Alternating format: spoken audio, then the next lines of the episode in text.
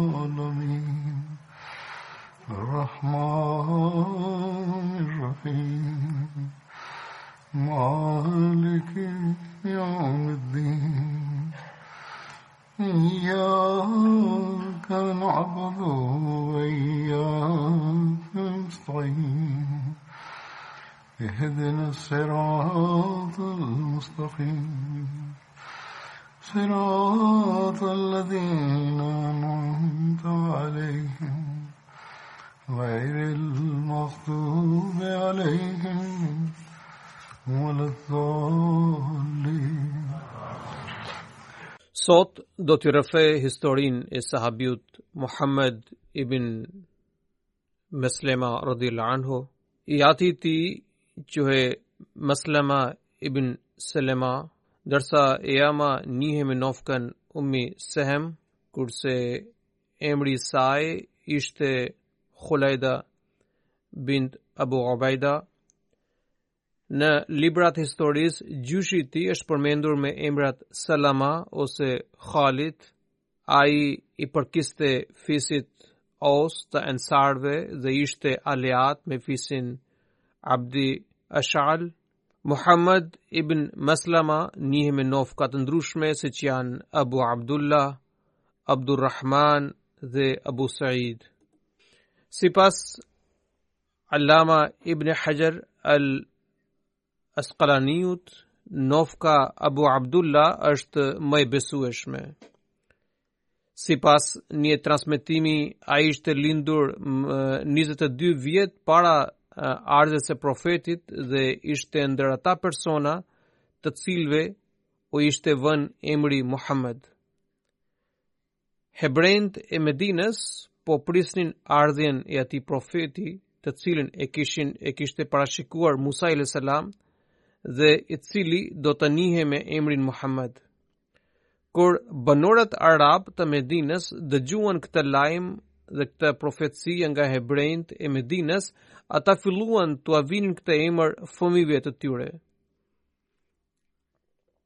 Sipas librave të historisë që hedhin dritë mbi jetën e të dërguarit të Allahut sallallahu alaihi wasallam, numri i personave të cilëve u ishte vënë emri Muhammed për mbarësi dhe si shenjë e mirë në kohën e injorancës varionte nga 3 deri në 15.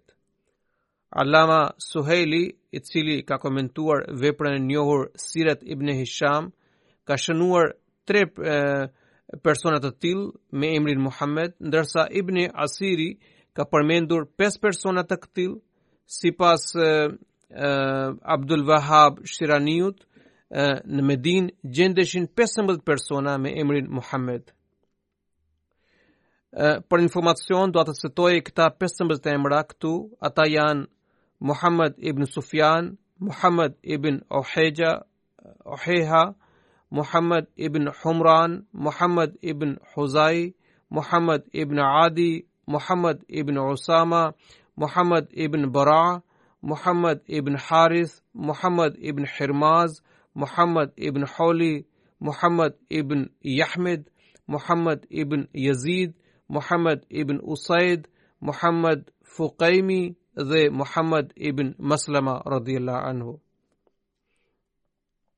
Muhammad ibn Maslama radhiyallahu anhu ishte ndër të parët që përqafoi Islamin në Medinë në dorën e Mus'ab ibn Umerit radhiyallahu anhu.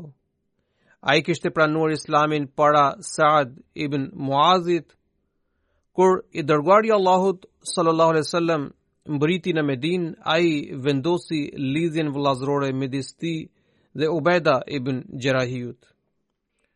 Muhammed ibn Maslama radhiyallahu anhu kishte marrë pjesë në ekspeditën e sahabëve për të ekzekutuar Ka'b ibn Eshrefin dhe Abu Rafi Salam ibn Abu Hakikin.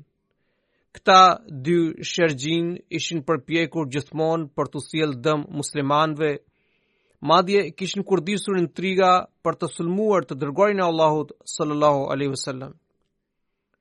Profeti sallallahu alaihi wasallam gjatë disa ekspeditave ushtarake e kishte caktuar Muhammad ibn Meslemen mbikëqyrës në Medinë.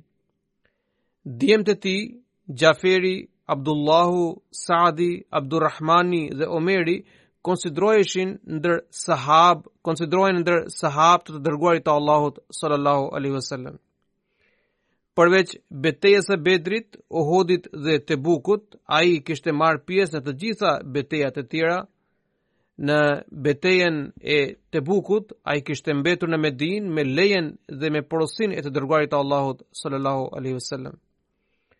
Siç u tha pak më lart se Muhammed ibn Meslama kishte marrë pjesë në ekzekutimin e dy kundërshtarëve ngatërrestarë të Islamit, Ndonëse kjo ngjarje është përshkruar hollësisht para një viti e gjysmë në lidhje me jetën e Obada ibn Bishrit, do ta ndaj këtë histori me ju me disa detaje të tjera. Hazret Mirza Bashir Ahmedi ka përshkruar ngjarjen e Kab ibn Eshrefit me këto fjalë, ai shkruan: Beteja e Bedrit kishte nxjerrë në pah armiqësinë e thellë të hebrenjve të Medinës dhe përmes intrigave të ndyra dhe planeve të djallëzuara, ata përshkallëzuan urrejtjen e tyre ndaj muslimanëve.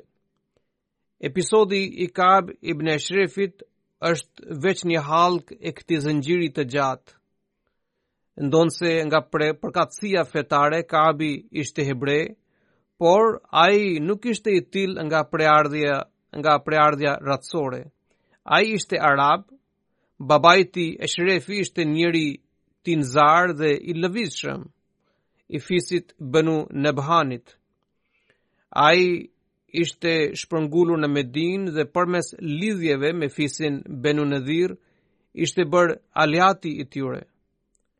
Për pak kohë, kishte arritur aq shumë ndikim dhe autoritet, saqë kryetari i fisit Benu Nedhirit, Abu Rafi ibn Ubail ibn Ubail Hukejk, e, i dha vajzën e tij për grua. Nga kjo martesë lindi Kabi, i cili do të arrinte një pozitë dhe famë më të madhe se babai i tij, derisa të gjithë hebrejtë e Arabisë e konsideronin udhëheqësin e tyre. Për sa u përket karakterit dhe moralit, Kab ibn Eshrefi ishte njeri i ulët dhe i poshtër, i cili shquhej për qëllimet tinzare dhe përpjekjet djallëzore. Ai dallohej vetëm në nxitjen e urrejtjes, në ndezjen e konflikteve dhe në përhapjen e trazirave. Kur i dërguari i Allahut sallallahu alaihi wasallam kishte mbërritur në Medinë, Kabi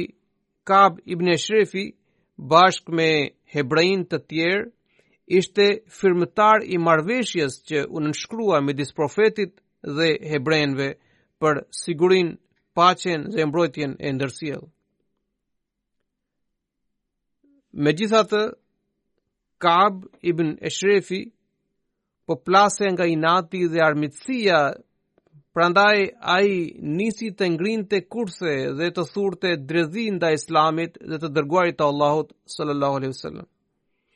Gjatë viteve në vazhdim, Kabi vetëm u ashpërsua në kundërshtimin dhe e tij dhe veçanërisht pas luftës së Bedrit, ai nisi një fushatë tejet të përlyer dhe përçarëse, e cila mund t'u krijonte muslimanëve situata jashtëzakonisht të rrezikshme.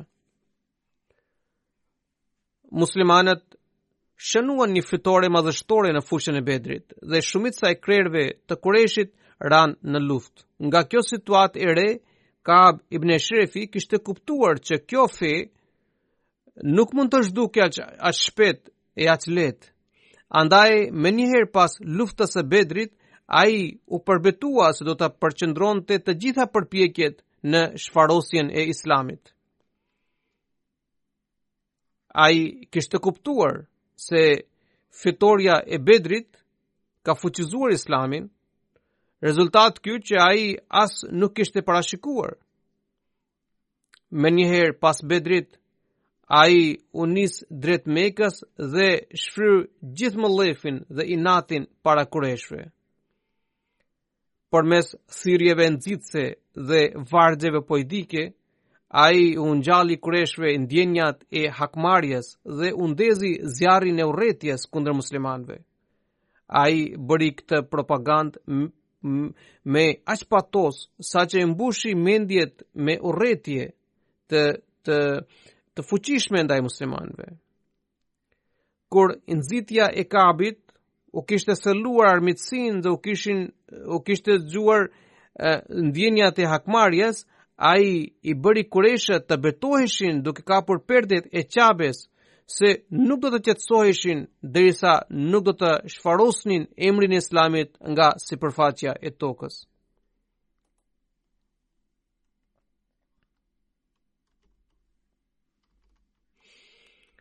Kabi vazhdoi misionin e tij të djallëzuar duke hapur vatrat e reja të urrejtjes në fise të tjera arabe. Ai nxiti çdo fis kundër muslimanëve. Duke kthyer në Medinë, Kabi nisi të përshkruante gratë muslimane me me me shprehje të ulta. Pra, ai përshkroi gratë muslimane me shprehje të ulta dhe, dhe vulgare. Në poezinë e tij nxitëse ai u referohej grave muslimane me një e, banalitet e, të skajshëm përtej çdo niveli moral. Ai nuk kurseu asnjë përpjekje për të njollosur karakterin e grave të të dërguarit të Allahut sallallahu alaihi wasallam. përmes vargjeve të tij të shpifura e të ndyra dhe i përhapi këto vargje anembanë Arabisë.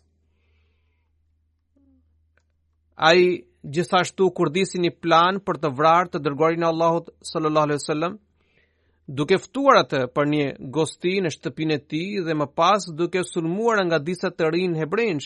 Plani i tij dështoi pasi i dërguari i Allahut sallallahu alaihi wasallam e kishte zbuluar me kohë. Kur çështja e Kabit kishte arritur deri në këtë derexhe dhe ishin vërtetuar krimet e tradhtisë, përgatitja e kryengritjes, thirrje për një luftë të armatosur, nxitje për urrejtje, shprehje të pahijshme e të pamoralshme dhe intriga për vrasje. Në bazë të marrëveshjes ndërkombëtare, e cila ishte nënshkruar midis popujve të ndryshëm që banonin në Medinë, i dërguari i Allahut sallallahu alaihi wasallam ishte kryetari dhe sunduesi i qytetit.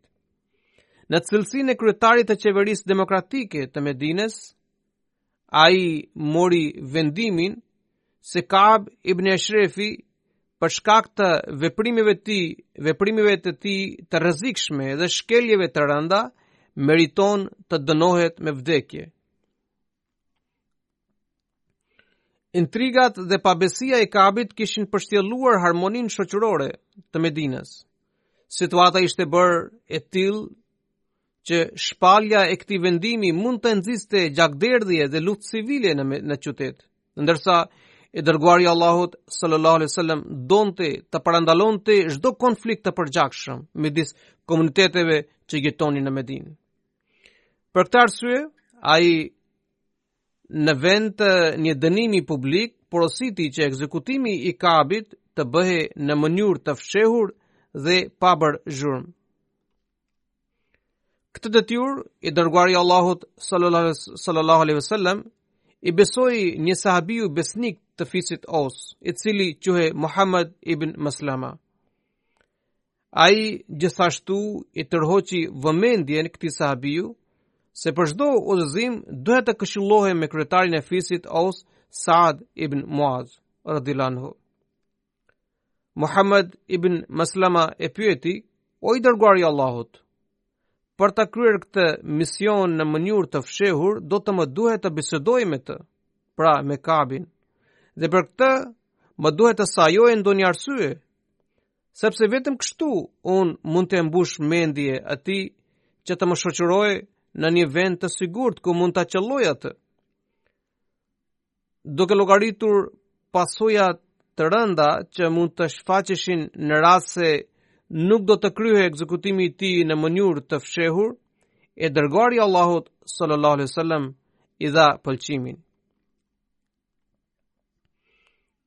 Muhammed ibn Maslama së bashku me Ebu Naila dhe dy tre sahabë të tjerë shkoi në shtëpinë e Kabit. Ata i thanë se prijësi i tyre Muhamedi sallallahu alaihi wasallam po u kërkon sadaka, pra lëmoshë, ndërsa ata gjenden në vështirësitë ekonomike, pastaj i thanë, a mund ta bësh nder duke na dhënë hua për pak kohë? Kabi u gëzua pa masë dhe u tha, pasha Zotin, nuk është larg ajo ditë kur Muhamedi do t'ju bëhet i padurueshëm dhe ju do ta braktisni atë. Muhammed ibn Meslema i tha, ne tashmë i jemi nënshtruar atij dhe nuk kemi rrugëdalje tjetër. Ju duhet të na përgjigjeni për çështjen të cilën ju kemi parashtruar. A mund të na ndihmoni apo jo? Kabi u tha, në rregull, por duhet të më lini diçka si garanci. Muhamedi e pyeti, çfarë duhet të lëmë? Kabi u tha plot poshtërsi, gratë tuaja. Muhamedi mezi u përmbajt dhe ia ktheu, si mund t'i lëmë gratë tona? Kabi i tha, atëherë na lini djemtë tuaj. Muhamedi e përjashtoi edhe këtë dhe tha, kjo është e pamundur. Nuk mund të lejojmë të bëhemi gazi dhe tallja e krejt Arabisë. Na bën nder nëse pranon armët tona si garanci. Kabi u pajtua me këtë propozim.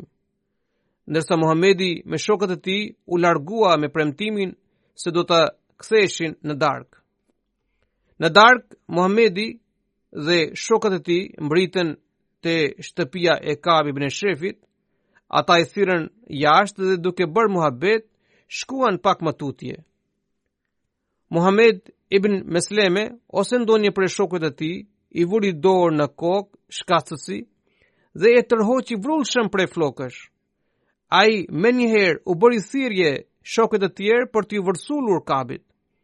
Sahabët që rrinin në pritë menjëherë u qëll e qëlluan me shpata dhe e kërdisën në vend. Muhammed ibn Meslema dhe shokët e tij gjithashtu ia mbathën me të katra dhe e raportuan të dërguarin e Allahut sallallahu alaihi wasallam për këtë ngjarje. Lajmi i vrasjes së Kabit ngjalli panik në qytet dhe hebrenjtë u mbushën me mëllef. Mëngjesin e së nesërmes, një delegacion i hebrenjve takoi të dërguarin e Allahut sallallahu alaihi wasallam dhe i përjasht dhe i parashtruan ankesë për vrasjen e kryetarit të tyre Kab ibn Eshref. Pasi që i dëgjoi me vëmendje I dërguari i Allahut sallallahu alaihi wasallam u shtroi një pyetje. A jeni në dijeni për krimet dhe shkeljet e Kabit? Më pas, ai u tregoi në mënyrë të përmbledhur krimet e tij si pabesi, thirrje për luftë, nxitje urrejtje, përdorimi i shprehjeve, shprehjeve të pahijshme, shpifje për intrigën e vrasjes e të tjerë. Hebrenjtë u heshtën para listës së gjatë të krimeve të Kabit.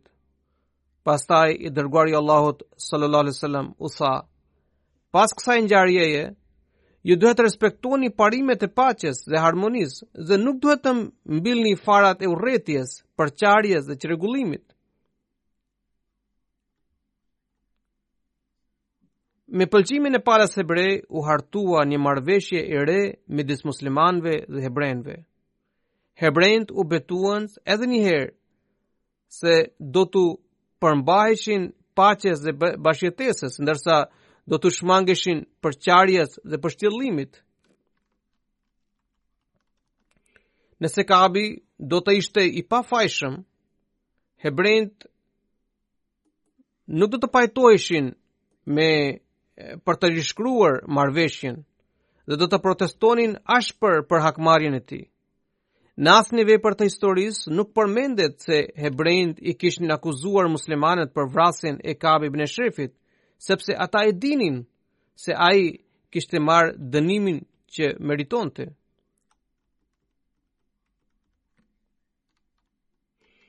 Disa nga historian, historianët perëndimorë kanë trajtuar gjerësisht vrasjen e Kab ibn Eshrefit. Ata e kanë përshkruar këtë ngjarje si një njollë të zezë mbi karakterin e të dërguarit të Allahut sallallahu alaihi wasallam dhe kanë ngritur akuzë ndaj tij. Për t'iu përgjigjur akuzave të tyre, në fillim duhet të analizojmë se a ishte i drejtë akti i vrasjes apo jo. Së dyti, duhet të shqyrtojmë se a ishte e drejtë metoda që u përdor në, kryer, në kryerjen e aktit. Së pari, duhet të kemi parasysh që Kab ibn Eshrefi kishte firmosur një marrëveshje zyrtare me të dërguarin e Allahut sallallahu alaihi wasallam për paqen dhe stabilitetin e Medinës. Sipas marrëveshjes së nënshkruar, ai jo vetëm që do t'i shmangej çdo veprimtarie që mund t'i sillte dëm muslimanëve, madje duhet të mbështeste palën muslimane në ekspeditën e tyre ndaj kundërshtarëve të jashtëm. si dhe që do të ruante marrëdhëniet miqësore me muslimanët. Në bazë të kësaj marrëveshje, ai kishte pranuar se qeveria demokratike e Medinës do të udhëhiqet nga i dërguari i Allahut sallallahu alaihi wasallam Dhe duke qenë autoriteti ekzekutiv, ai gëzonte drejtën për të lëshuar vendim në raste mosmarrëveshjesh.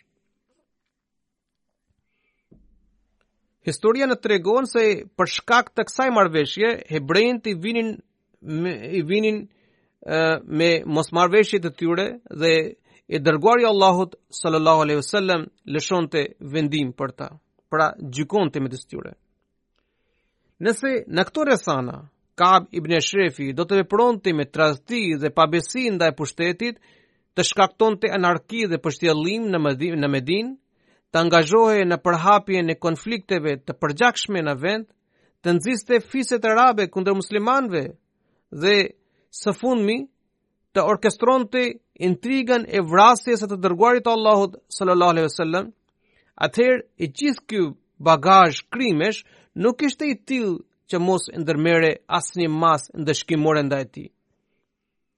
A ndonjë dënim më i vogël se ekzekutimi mund të frenonte fushatën e rrezikshme të hebrenjve? A nuk ndëshkojnë edhe sot vendet që deklarohen si të civilizuara me dënimin e vrasjes për fajtorët e spionazhit, tradhtisë kombëtare, shkeljes së marrëveshjes, nxitjes së luftës dhe komplotit të vrasjes?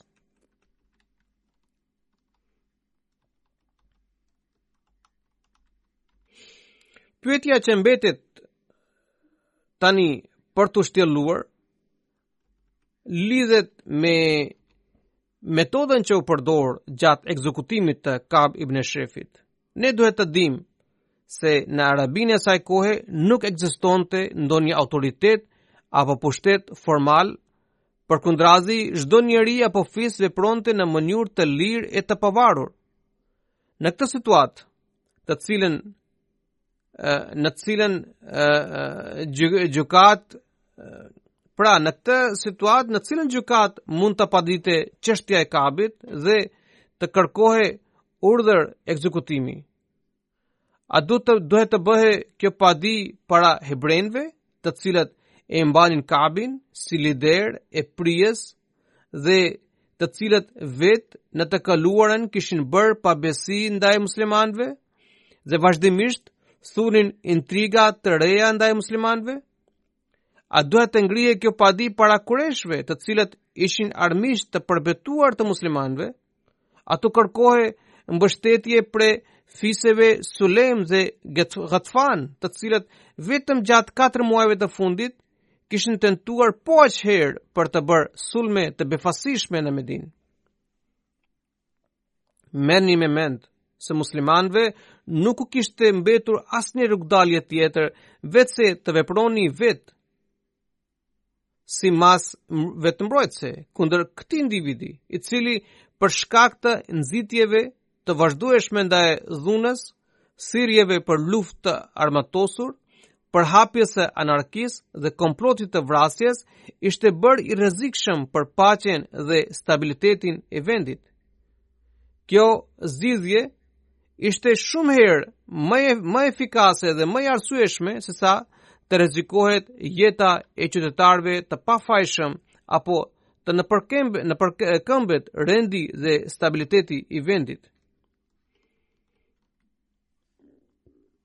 Nuk duhet të harrojmë se në bazë të marrëveshjes së arritur midis muslimanëve dhe hebrenëve të Medinës pas ngjarjes së Hixhretit, i dërguari i Allahut sallallahu alaihi wasallam ishte e, nuk ishte më një qytetar i thjeshtë, por ishte kryetar i pushtetit demokratik që ishte themeluar në Medinë. Atij i ishte besuar e drejta për të marrë vendim në të gjitha mosmarrëveshjet, si dhe në çështjet e rëndësishme politike. I dërguari i Allahut sallallahu alaihi wasallam shfrytëzoi këtë të drejtë vetëm në interes të paqes dhe stabilitetit të Medinë në Medinë dhe ia shpalli Kabit dënimin e vdekjes për shkak të shkeljeve të rënda. Në këtë mënyrë, nuk qëndron asnjë bazë për të ngritur pikëpyetje ndaj vendimit të ekzekutimit ndaj tij. Historia gjithashtu na tregon se edhe bashkëkombësit e tij hebrenj e konsideruan këtë dënim të drejtë dhe legjitim pasi që nuk e kundërshtuan madje mbajtën heshtje të plotë. Nëse ngrihet akuza që përse hebrenjtë nuk u lajmëruan për shkeljet dhe krimet e Kabit para se të lëshohej vendimi i ekzekutimit të tij, kështu masa e ndëshkimit mund të kryhej në mënyrë zyrtare e të hapur. Do t'i përgjigjemi kësaj akuze duke thënë që ndjekja e kësaj metode në rrethanat ekzistuese do të përshkallëzonte jashtëzakonisht shumë rreziqet e prishjes së marrëdhënieve ndëretnike dhe të bëhej pikënisja e konflikteve të përgjakshme dhe luftës civile në Medinë. Si një punë që duhej kryer nxitimthi dhe fshehurazi, i dërguari i Allahut sallallahu alaihi wasallam mori në shqyrtim faktorët që do të ndikonin rendin shoqëror dhe mendoi që ishte e arsyeshme të jepej dënimi i Kabit në mënyrë të fshehur Megjithatë, në këtë çështje nuk bënte pjesë absolutisht dredhia apo mashtrimi dhe as që i kishte ndërmend të dërguarit të Allahut sallallahu alaihi wasallam për të mbajtur këtë ndëshkim të fshehur përgjithmonë.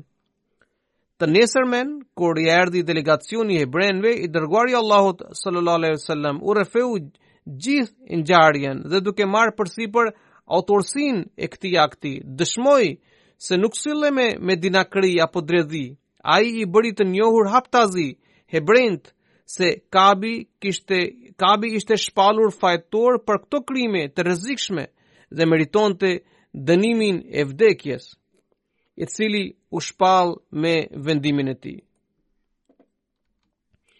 Për sa i përket akuzës se i dërguari i Allahut sallallahu alaihi wasallam u kishte dhënë leje sahabëve për të gënjyer dhe për të vepruar me dredhi, duhet të themi se kjo akuzë është plotësisht e pabazë, të cilën e hedhin poshtë hadithet e sakta.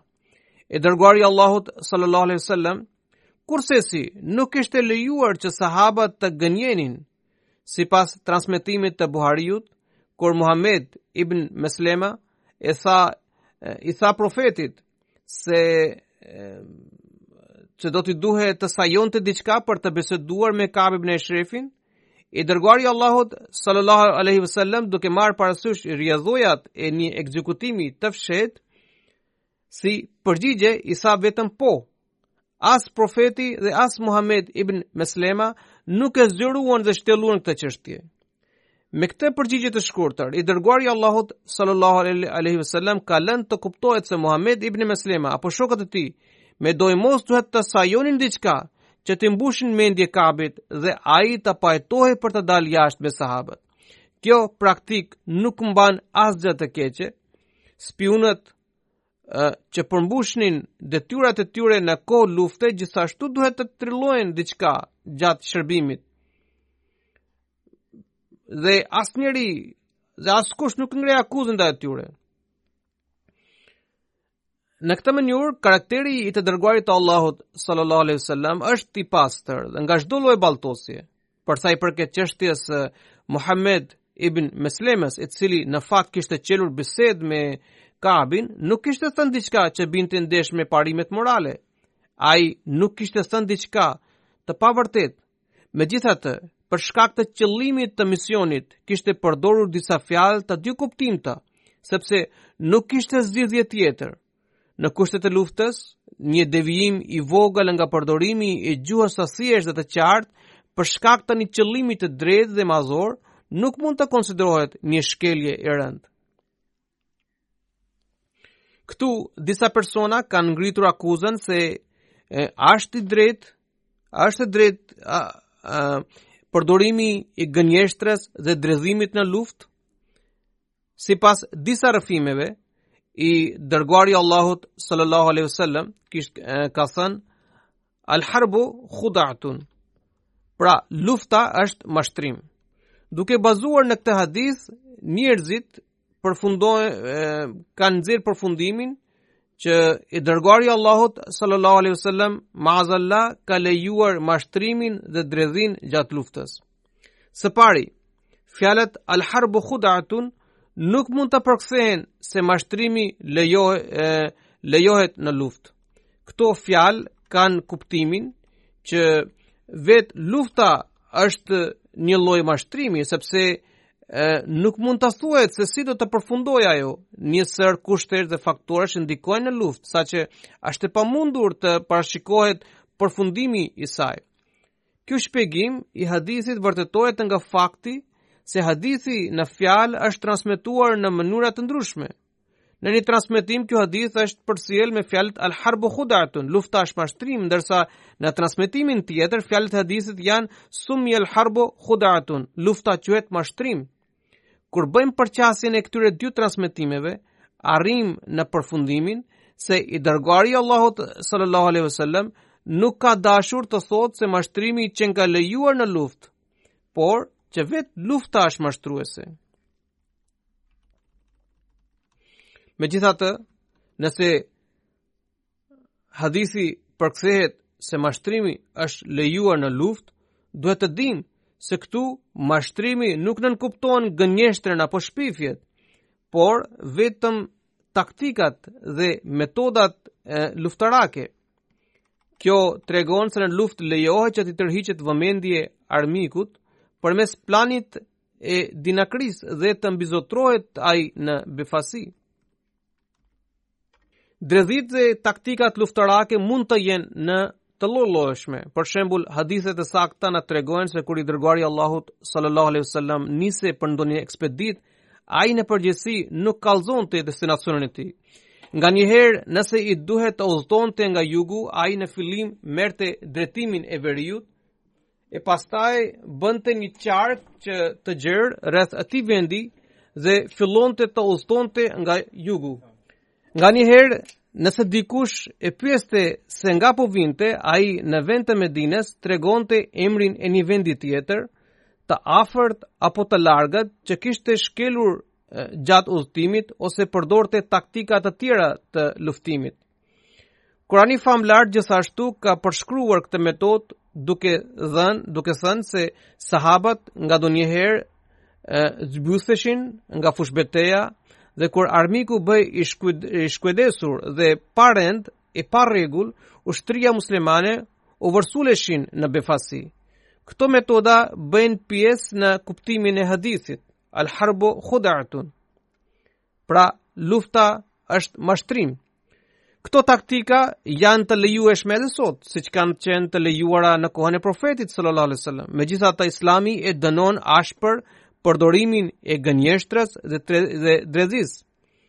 I dërguari i Allahut sallallahu alajhi wasallam ka thënë në mënyrë të përsëritur se pas idhujtarisë dhe mosrespektimit të prindërve, mëkati më i rëndë në Islam është gënjeshtra. Ai gjithashtu ka thënë që besimi dhe frika mund të bashkohen në një vend, por besimi dhe gënjeshtra kurrsesi jo.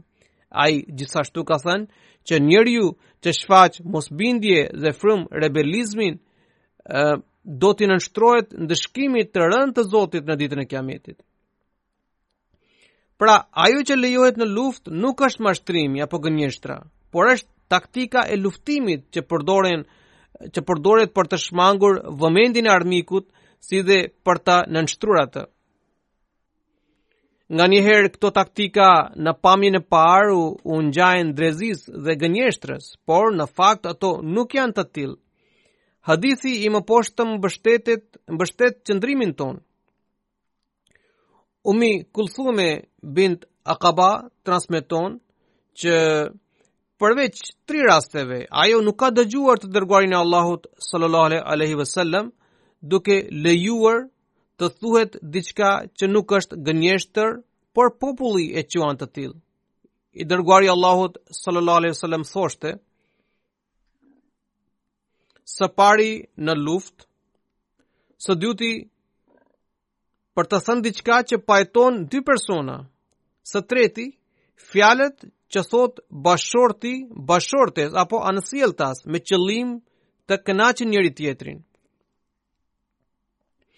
Ky hadith nuk i lë asnjë vend dyshimit se ajo lloj taktike që është lejuar në luftë nuk është as gënjeshtër e as dredhi, por është thjesht tërësia e mjeteve dhe metodave që përdoren në kohën e luftës dhe që konsiderohen të lejueshme në çdo popull apo fe. Pasi që përmendi ngjarjen e Kab ibn Ashrafit, Ibn Hishami ka cituar një transmetim sipas të cilit i dërguari i Allahut sallallahu alaihi wasallam kishte porositur sahabët për të mbytur hebrejt kudo që të gjendeshin. Atëherë një sahab me emrin Muhayyasa kishte mbytur një hebre Këtë transmetim e ka cituar Ebu Dawudi, burimi i këtyre dy transmetimeve është Ibn Ishaku. Hazret Mirza Bashir Ahmedi ka komentuar këtë hadith dhe ka thënë: Sipas parimeve të rivajetit, pra të shkencës së transmetimit, ky hadith është i dobët dhe i pabesueshëm. Ibn Hishami e ka cituar këtë transmetim pa përmendur burimin përkatës, ndërsa zinxhiri i transmetuesve në Abu Dawud është i dobët. Në këtë transmetim, Ibn Ishaku ka thënë që ai e kishte dëgjuar këtë hadith nga skllavi i liruar i Zaid ibn Thabitit radhiyallahu anhu. Megjithatë, nuk i dihet emri këtij skllavi të panjohur, ndërsa ai e kishte dëgjuar prej vajzës së panjohur të Muhayyasës. Çdokush mund të merret me mend se një transmetim i tillë është i papranueshëm derisa dy personat nga zinxhiri i transmetuesve janë të panjohur dhe pa emra. Po ashtu, nëse e shqyrtojmë nga ana e dirajetit, pra në bazë të përmbajtjes, kjo ngjarje nuk mund të jetë e vërtetë përderisa i kundërvihet dukshëm praktikës së përgjithshme të profetit sallallahu alaihi wasallam. Nëse supozojmë se me të vërtetë i dërguari i Allahut sallallahu alaihi wasallam kishte lëshuar një urdhër të tillë, atëherë jo një, por duhet të ishin kryer disa vrasje, ndërkohë hadithi në fjalë përmend vetëm për një vrasje. Kjo na çon, kjo na çon në përfundim se urdhëri nuk ishte i përgjithshëm.